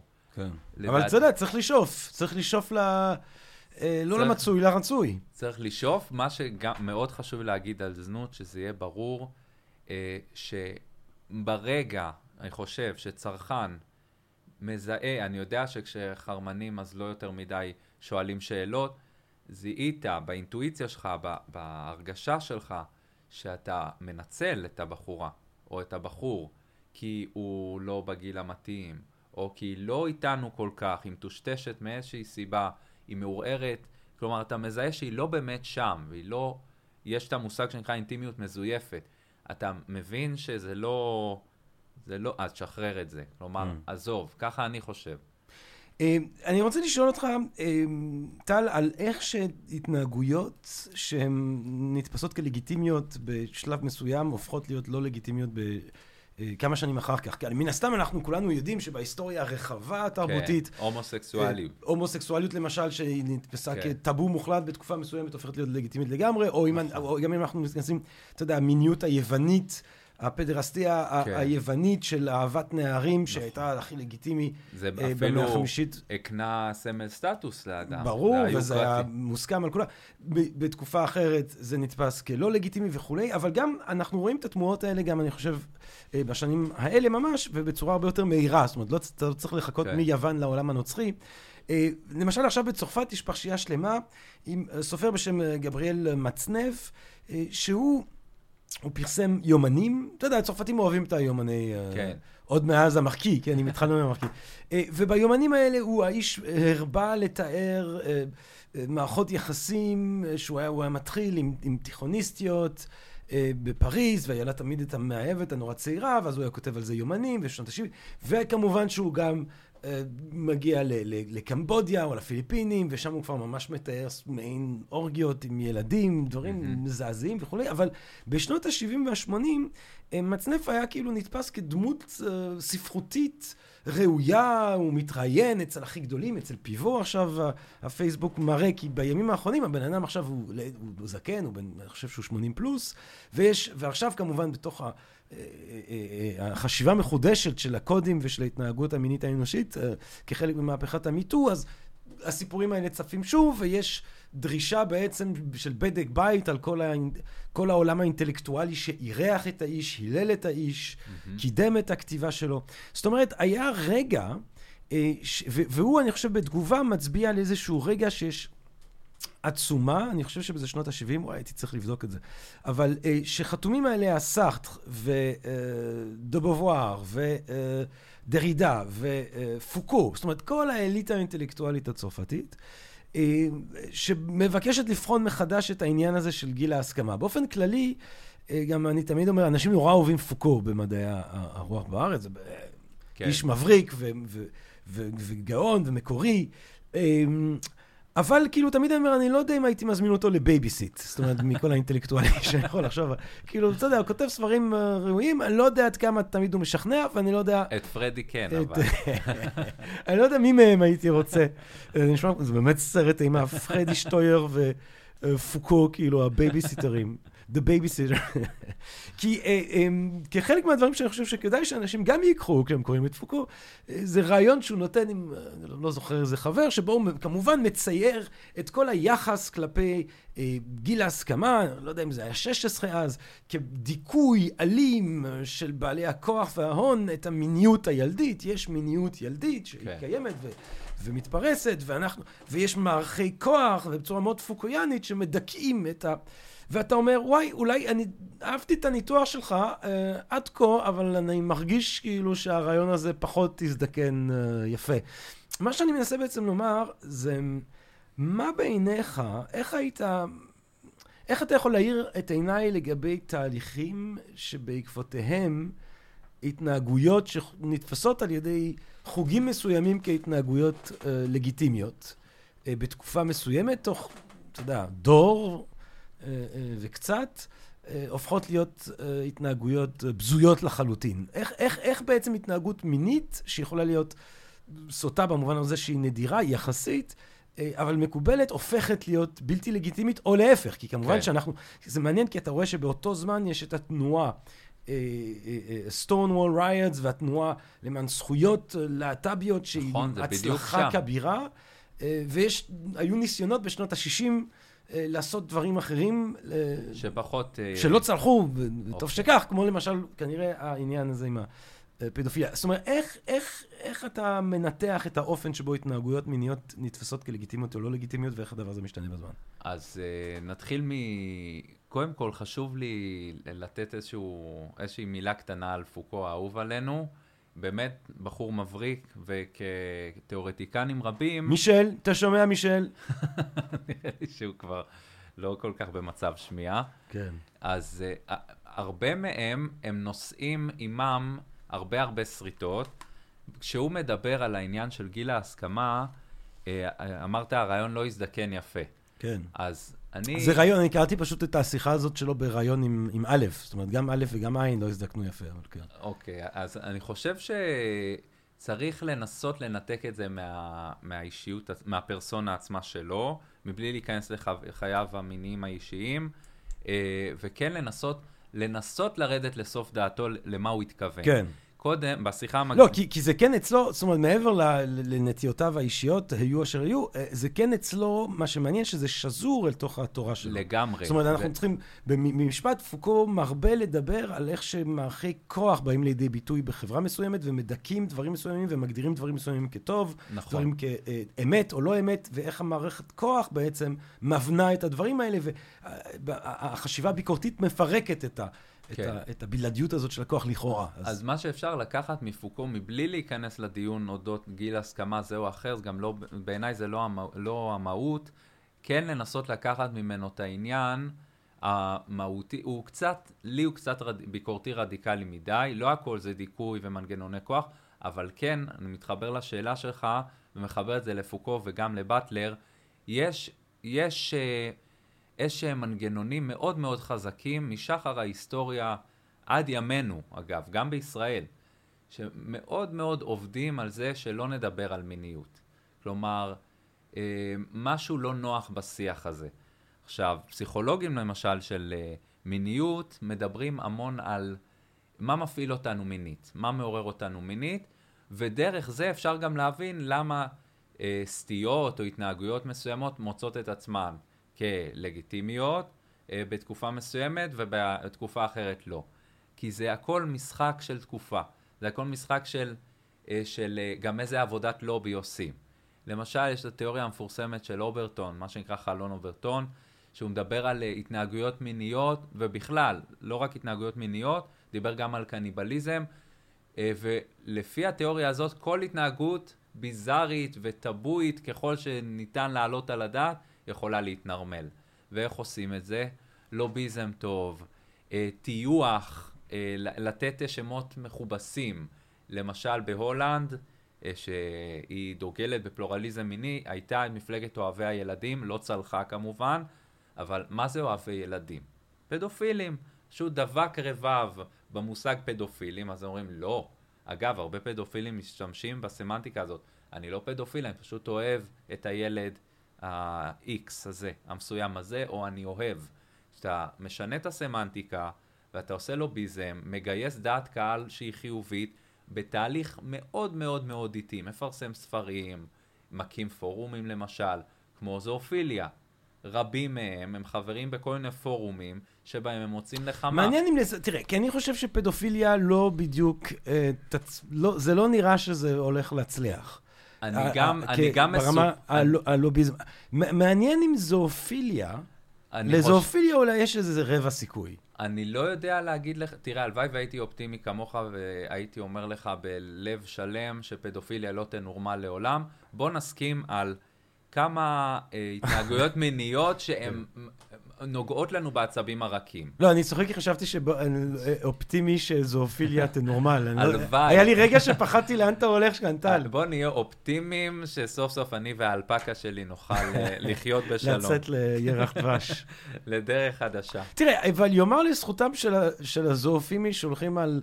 תראה, כזואופיל מן הסתם אתה יכול לאנוס חיות, אבל אם אתה הולך על אה, חיה מספיק גדולה, אז כן. כנראה שזה בהסכמה. זאת אומרת, לא, אני לא חושב שאתה יכול לאנוס אה, אה, רינוסרוס אם הוא, חופשי. אם אתה שואל אותי, אז אה, כשיש ספק אז אין ספק, כי הם כל כן. הזמן אומרים, מאיפה אתה מניח, אגב, כל- כמו הסיפורים האלה שאתה שומע על כאלה שעושים אה, סקס עם דולפינים. כן, כן, לא, לא. קיימים. אני לא חושב שאתה יכול.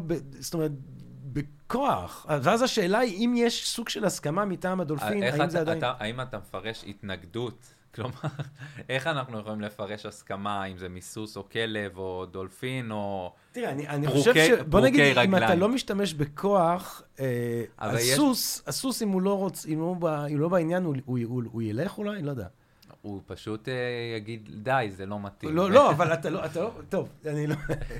אין פה. זואופילים, ניסיתי, ניסיתי זואופילים, לא הלך. ניסה להגן עליהם. מה שכן אני יכול... לא, זואופילים של... טוב, לא משנה. לא משנה. שמה?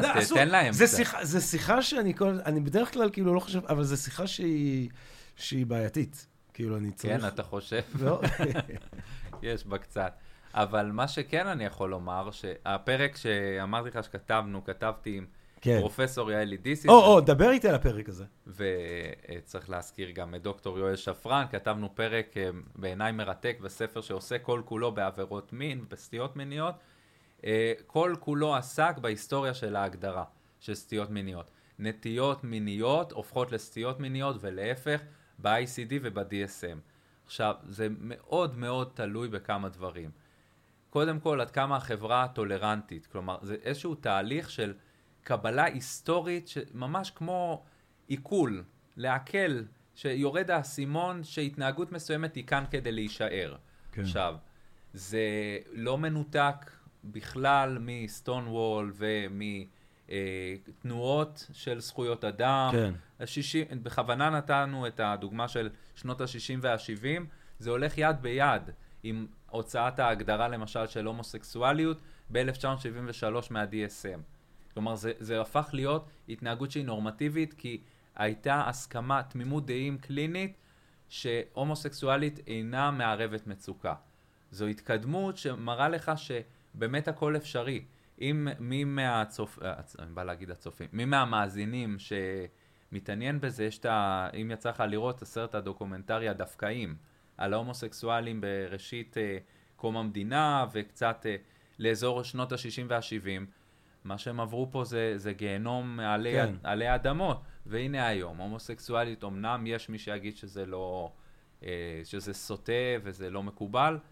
אבל, הנה, אבל כן, אבל, אבל, אבל תראה, זאת אומרת, א', באמת הומוסקסואליות נתפסה כ, כ, כסטייה עד שהיה את, ה, את ה, ממש את המהפכה הזאת, אבל, אבל באופן מובהק יש כאן, אתה יודע, ול- יש אנשים שמאיזושהי סיבה זה נורא מעניין אותם, משכב זכר, זה נורא מעניין אותם מה גברים עושים כשהם אה, אה, מתאהבים אחד בשני וכו', זה נורא מרתק אותם, ו- אבל, אבל בגדול זה באופן מובהק יש לך פה את העניין שגם עלה שוב ושוב ושוב של הסכמה מלאה, ברורה, התלהבות, כן. התאהבות אה, בין שני אנשים בוגרים, ואז אתה כמובן אומר, מי יכול בכלל להתחיל לחשוב על אז באמת, לאסור את זה? אבל, אבל, באמת הסוגו, הס- הדברים האחרים, שנגיד לפני 50 שנה היו נתפסים כסוטים.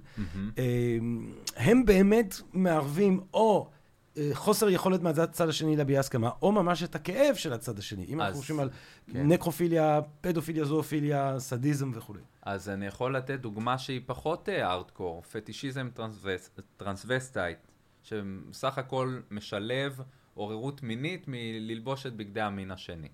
כלומר, אני אוהב כן. לשים בגדי נשים. כן. ה-DSM עודנו מחזיק בהגדרה הזאת כסטייה מינית. אני מאוד מאוד מאוד ספקן אם קלינאי כלשהו נתן למישהו הפרעת פרפיליה עם הפטיש הזה. ה-ICD כבר הוציא את זה משם. היה איזה דיון ער שלם על האם יש פה מצוקה. למה אני חושב שסוף סוף נפטרו מזה, ולדעתי, דעתי האישית, ה-DSM גם אה, יתחכה אחר ה-ICD ויוציא את זה גם, כי זה בדיוק תהליך העיכול הזה של הבנת המיניות האנושית, קבלה של התנהגויות מיניות שמשרתות עונג ולא כאב, שאין בהן אלמנט של מצוקה באופן מובהק, וכן הלכי רוח שהם הולכים יד ביד. התהליכים שהלהט"ב, קהילת הלהט"ב, עוברת ועברה, הם אותם תהליכים שעוברת למשל קהילת ה-BDSM. ואלה, הזואופילים והפדופילים, כל הזמן מנגנים על העניין הזה. ואומרים, רגע, זה נורמל, יש כן. לנו תקווה. למה בעיניי אה, יש פה חשש קל לפסימיות? כי באמת, אם לוביזם נכון, וחברה over טולרנטית, כמו ההולנדים שאמרו פלורליזם מיני, פלורליזם מיני, אני... אבל איפה, אתה יודע, חלום בלהות. לא, לפני שאתה מאשים את החברים ההולנדים שלנו. לא, חלילה, אני שרוף על הולנדים. לא, אבל מה, מה, מה שם עובר את, הגב, את גבול הטעם הטוב בעיניך? זאת אומרת, מה הם נרמלו ההולנדים, שאתה אומר, הנה, תראה מה לא, קורה אין ברגע לי, שאתה פותח אין את לי, השערים. אני, שלא... הרי הם לא, הם לא נרמלו, לא, זו, לא זואופיליה, לא פדופיליה, לא נק... יש מדינה שזואופיליה בה היא אה, לגיטימית? לא, אני חושב שאם אתה תלך לשבטים כן, נידחים, אתה תראה את זה כאקט שהוא מקובל. כן. אני רוצה לחדש פה למי שלא יודע, יש גם זופילים כאן איתנו בארץ. אני חושב ששמעתי פעם את לארי פלינט, הפורנוגרף האמריקאי המפורסם, אומר שרוב גדול של הילדים שגדלו בכפר, היה להם איזושהי התנסות ראשונית נכון. עם אה, בעל חיים. נכון? אה, פה, או, או בנערים בקיבוצים, החברים שלנו מהקיבוצים, לא, אה, יש את הקטע הזה של, הרפל, של הרפלקס של העגל וכולי, כאילו אנשים. בוא, בוא נתחיל מזה שאם נשרפתי בהולנד, קיבוצניקים. חברים שלנו, אני לא נשרף בקיבוצים, אני מאוד אוהב לחולל מעגלי אורה בשבועות. אל כן. תהרוס לי את זה. אני מאוד אוהב את שושקה ורודקה מהקיבוצים. כן. תשאיר לי אותם. לא, לא חושב שקיבוצניקים מתאפיינים בהתנהגויות. אני לא- זוכר שהייתי פה ילד עם התנועת נוער, אמ, הנוער הציוני, והיינו פה איזה- באיזה ביקור, והיה קיבוצניק שעשה לנו, ילד כזה, שדיבר איתנו על, ה, על העגל, תראה, כלל... ואינסטינקט ה- ה- המציצה של העגל, אני יודע מה. היחיד סוג לא... הדברים שאתה לומד שלוקחים אותך לטיול של התנועת נוער הציונית בארץ הקודש. איזה יופי, אני מקווה שזה נכנס לתוכנית הלימודים. עליתי לארץ. אתה רואה? וסיורים... אה, המציצה של העגל. ותגלית, אני מקווה שהם גם עוברים חוויה. birthright. כן, קחו אותם לקיבוצים, הם כולם יעלו אחד-אחד. אבל זואופילים הקלאסיים, שהם כן. באמת מתאהבים בחיה, הם גם מותחים את גבולות המיניות האנושית. כי אז זה, מה הטענה הראשונית שמעקרת הגדרה של סטייה? אה? התאהבנו, או טוב לנו, אנחנו עושים את זה בהסכמה. זה בדיוק מה שאומרים עם הזואופילים. כן. זה מה שאומרים זה גם מה. שאמר אה, פוקו. נכון? שיכולה להיות הסכמה. כלומר, אתה לא יודע, הוא כל הזמן מטיח בך של הכלב הוא, הנה, תראה, לפעמים הם גם כזה, הנה, תראה, הוא ישן איתי, למה אז הוא בא אליי? למה הוא לא מתנגד? האם אתה חושב, טל, שדווקא בחברות שבהן מדכאות יותר מיניות, יש יותר אמ, סטייה, או שזה לא, או, או, או שאין כזה דבר? זאת אומרת שלצורך העניין, גם בחברה הכי מדוכאת מינית, מהמם. הכי שמרנית בארץ, שבו ילדים לא יודעים בכלל מה זה מיניות, יהיה לך את הדמויות כן. אה, ידועות לשמצה, כן, של, כן. של אנסים והטרדה מינית וכולי. מהמם. אה, ו- ובחברה מאוד פתוחה וליברלית, יהיה לך את אותו כמות אז- בערך, או, או הדיכוי תראה. מגביר באיזושהי צורה את, ה- בוא נתחיל מזה ש... את, ה- את הפשיעה המינית. בוא נתחיל מזה שפשיעה מינית פושה בכל חברה בלי הבדל של מעמד, של רקע סוציו-אקונומי וכולי.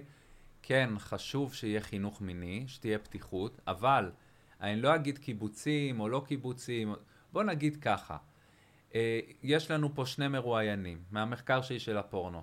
אחד גדל בבית חרדי, אה, נפגע מינית מאחד הרבנים. מאידך יש לנו בחור אה, שגדל בבית אה, על גבול ההיפי, ששם המתירנות המינית היא, היא, היא נר לרגלי המשפחה. האמא מסתובבת עירומה, פרטנרים מיניים לאמא ולאבא ביחד, והילד רואה הכל ומתקלח איתם, ויושב לראות סרט כילד עם הפרטנרים המיניים של ההורים. שניהם בעייתיים, כלומר גם זה וגם זה משני צידי המתרס. אסור ללכת להכללות ולהגיד בחברה אה, אה, סגורה או לא פתוחה מינית, יש יותר פשיעה מינית. א', לא חקרתי את זה, אני לא יודע. אה, לא יודע לומר גם בסטטיסטיקות. וב', שניהם הם איזושהי אה, זליגה או סטייה מאיזשהו נתיב אה, נכון של התפתחות מינית. המיניות, ב, ב, למה, התחלתי להגיד קודם, למה אנחנו מעורערים מינית? דיבר על זה מייקל ביידר, שכתב את הספר שלו, עוררות. העוררות המינית, היא- האלף-בית שלה זה שחרור. כלומר, להיות, למה יש BDSM? למה אנשים אוהבים אה, פטישים? למה אנשים משתעשעים ברעיון של קשירות? כי זה, זה דרור, זה חופש. אתה לא יכול להיות, להיות מעורר, תחשוב על זה. אתה לא יכול להיות מעורר מינית כשאתה חמל, כשאתה דואג, כשאתה אשם, כשאתה חרד.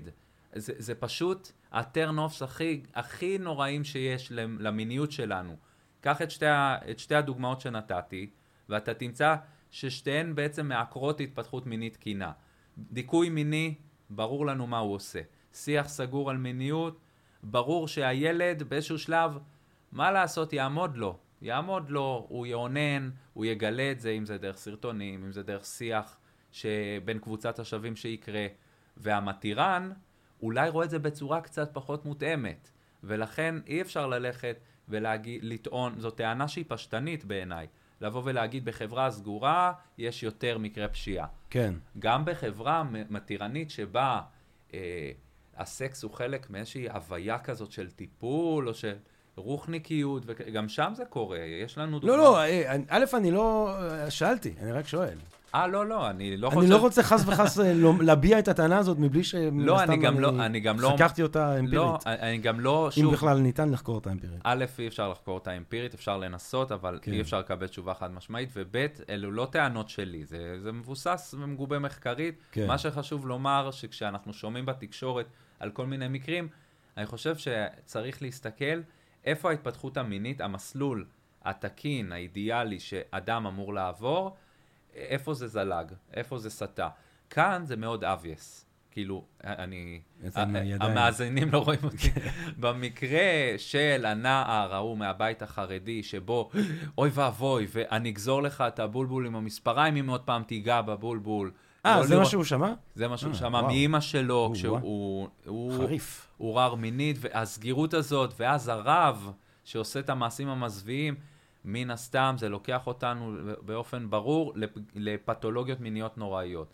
אבל אי אפשר גם להקל ראש כן. בזה שגם אדם שחווה אביוז, גם לא מפורש על פניו, רמיזות מיניות, פתיינות, מצ... אפרת אה, היימן הייתה פה, היא דיברה בטוח על המניפולציות של אם פתיינית. כן. זה, זה גורם ישיר לפסיכופתיה. כלומר, זה ברור, אם פתיינית זה גורם לפסיכופתיה. זה אחד המאפיינים של פסיכופטים. מעניין. אם, אם בא לי לתת עוד מקרה, אז אני אתן אותו עכשיו. הנרי לי, הנרי לי לוקאס, הנרי לי לוקאס. תשמעו על הבחור, איך אתה אומר את זה בשטף? אני צריך... אה, הנרי לי לוקאס. מה מה הסיפור עם הנרי? מה שמעניין בעיניי מכל הסיפור של הבחור היפיוף הזה, זה שכשאתה חוזר לילדות שלו, אתה רואה אימא פעילה... אה, מ- שנייה, זה הבחור שצילם את עצמו, קודם כל האכיל אה, חתול- חתולים לנ- לנחשים. ו- לא נראה לי שעליו אנחנו מדברים. Don't fuck with cats. יש לא. לא, זה לא הנרי אה, לי לוקאס. זה לא אבל? זה- זאת סדרה מטורפת. לא, כי גם שם יש אימא פתיינית, או יש איזה משהו זה- ביניהם. זה לא- מוטיב, כן, זה כן. מוטיב חוזר שם, המשחק, המשחק הזה בין ה... כאילו העיוות של מה שנקרא המיניות הילדית שעליה דיבר לפלאנץ' למשל, Mm, זה לוקח לכיוונים מעוותים, נצלניים, שהאימא על מנת לנצל את ה... לא חייב יצר מיני, זה יכול להיות כל ה-fucked up שהולך לה שם בראש.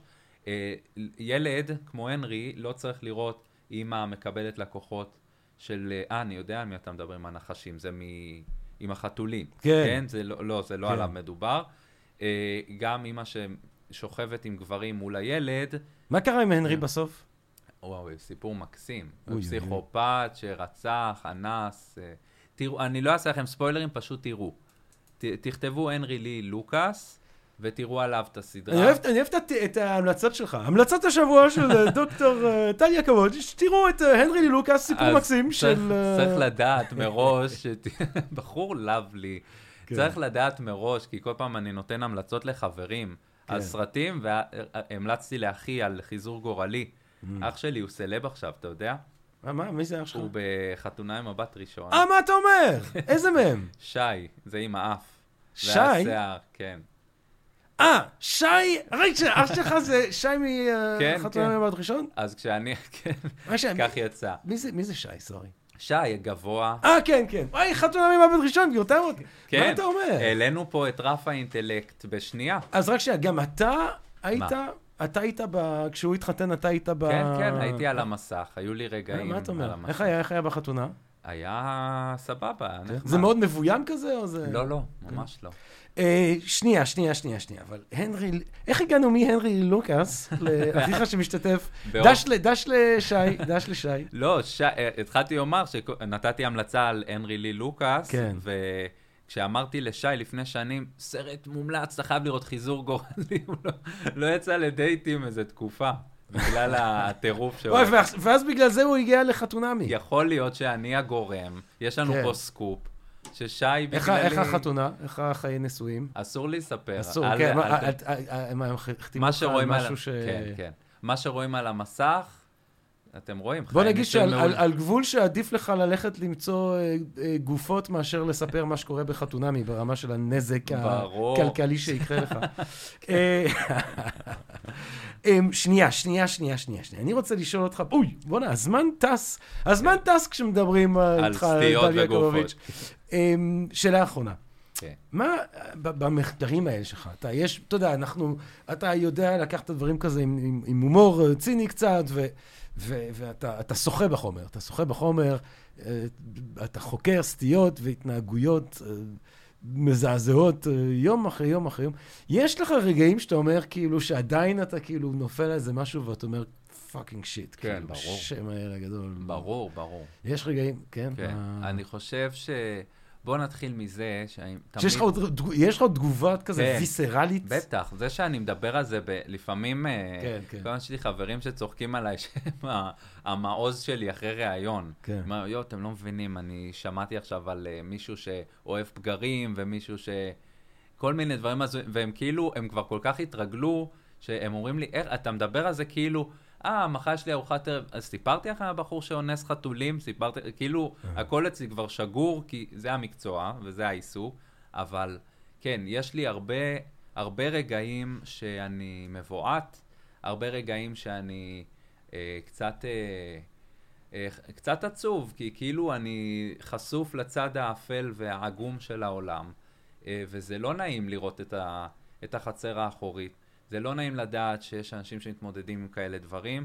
זה לא נעים, זה מאוד קשה גם לשמוע על הקורבנות. כן. אה, זה עדיין עושה לי... מבלי, מבלי להיכנס ל, לשאלות פרטיות, אתה, לא- אתה מרגיש שזה משהו שמשפיע על האופן שבו אתה חושב וחווה מיניות? זה כן, שאתה ברור. עד לצד כן, האפל שלה באיזושהי חד צורה? מש, חד, באופן חד משמעי. אה, זה, אם דיברנו על פורנו כמהווה תפיסה, אז גם לעסוק במיניות בצורה הפרוורטית, הפתולוגית, זה הרבה פעמים מוציא אותי מראיון פשוט מרוקן נפשית. אה, אני עוד לא מתחיל לדבר על זה שלפעמים זה ממש מדכא את המיניות. אה, זה מעלה שאלות על כאילו עד, עד איפה, כאילו עד איפה זה מגיע ואיפה זה פוגש אותי.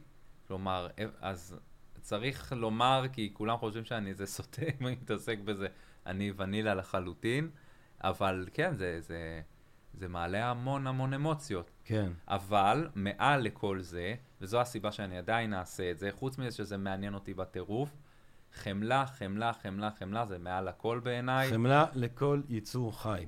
כן, אה, ובזה אולי באמת ראוי ש, שנסיים טל, ששוב עם קריאה לכל מי שחווה או חווה אה, מחשבות אה, שמטרידות אותה, אותו אה, מחשבות קשות כאלה, על דחפים שהם נתפסים כדחפים אה, חריגים. אה, לכו לקרימינולוג קליני, לכו או למטפל, פסיכולוג, או לפסיכולוג, אה, או לחבר. שאתם ממש סומכים עליו, אבל אה, למה לא ללכת פשוט למטפל על ההתחלה, ללכת למישהו מקצועי שידע נכון. לכוון אתכם, כי נכון. המחשבה הזאת לא חייבת לבוא לידי ביטוי נכון. של פעילות, אפשר, אפשר להתמודד עם הדבר. מטפל טוב ידע מה לעשות. דוקטור טל יעקובוביץ'. כמעט, דוקטור. כמעט דוקטור טל יעקובוביץ'. עוד מעט דוקטור. טל יעקובוביץ'. תקשיב, זה היה מרתק, זה היה מעניין מאוד. כן, גם לי היה ממש. אני ממש רוצה להודות לך תודה, אה, על תודה. הנדיבות שלך, עם הזמן שלך, עם החוכמה שלך. אה, תמשיך לחקור, והלוואי שבאמת המחקר הזה בסופו של דבר, אה, איך אמרנו, עונג, בריאות, שיביא לבריאות, שיביא לטוב ושיעשה טוב עם הלוואי. אה. כמה שיותר אנשים. אם נשפיע על החברה ולו בקצת, עשיתי את שלי. אמן. אמן. אה, ותודה רבה לכם, לקהל הקדוש שלנו כאן ב-Think and Drink Different, בפודקאסט של Think and Drink Different, מקווה מאוד מאוד מאוד מאוד שנהניתם מהפרק הזה, מהפרקים שכבר הקלטנו מאלה שבעזרת השם נמשיך ונקליט, ובינתיים, אני אגיד לכם? רק בריאות, רק טוב שיהיה רק לכם. בריאות, רק רק אהבה רבה, ונשתמע. פודקאסט, פודקאסט, Portal.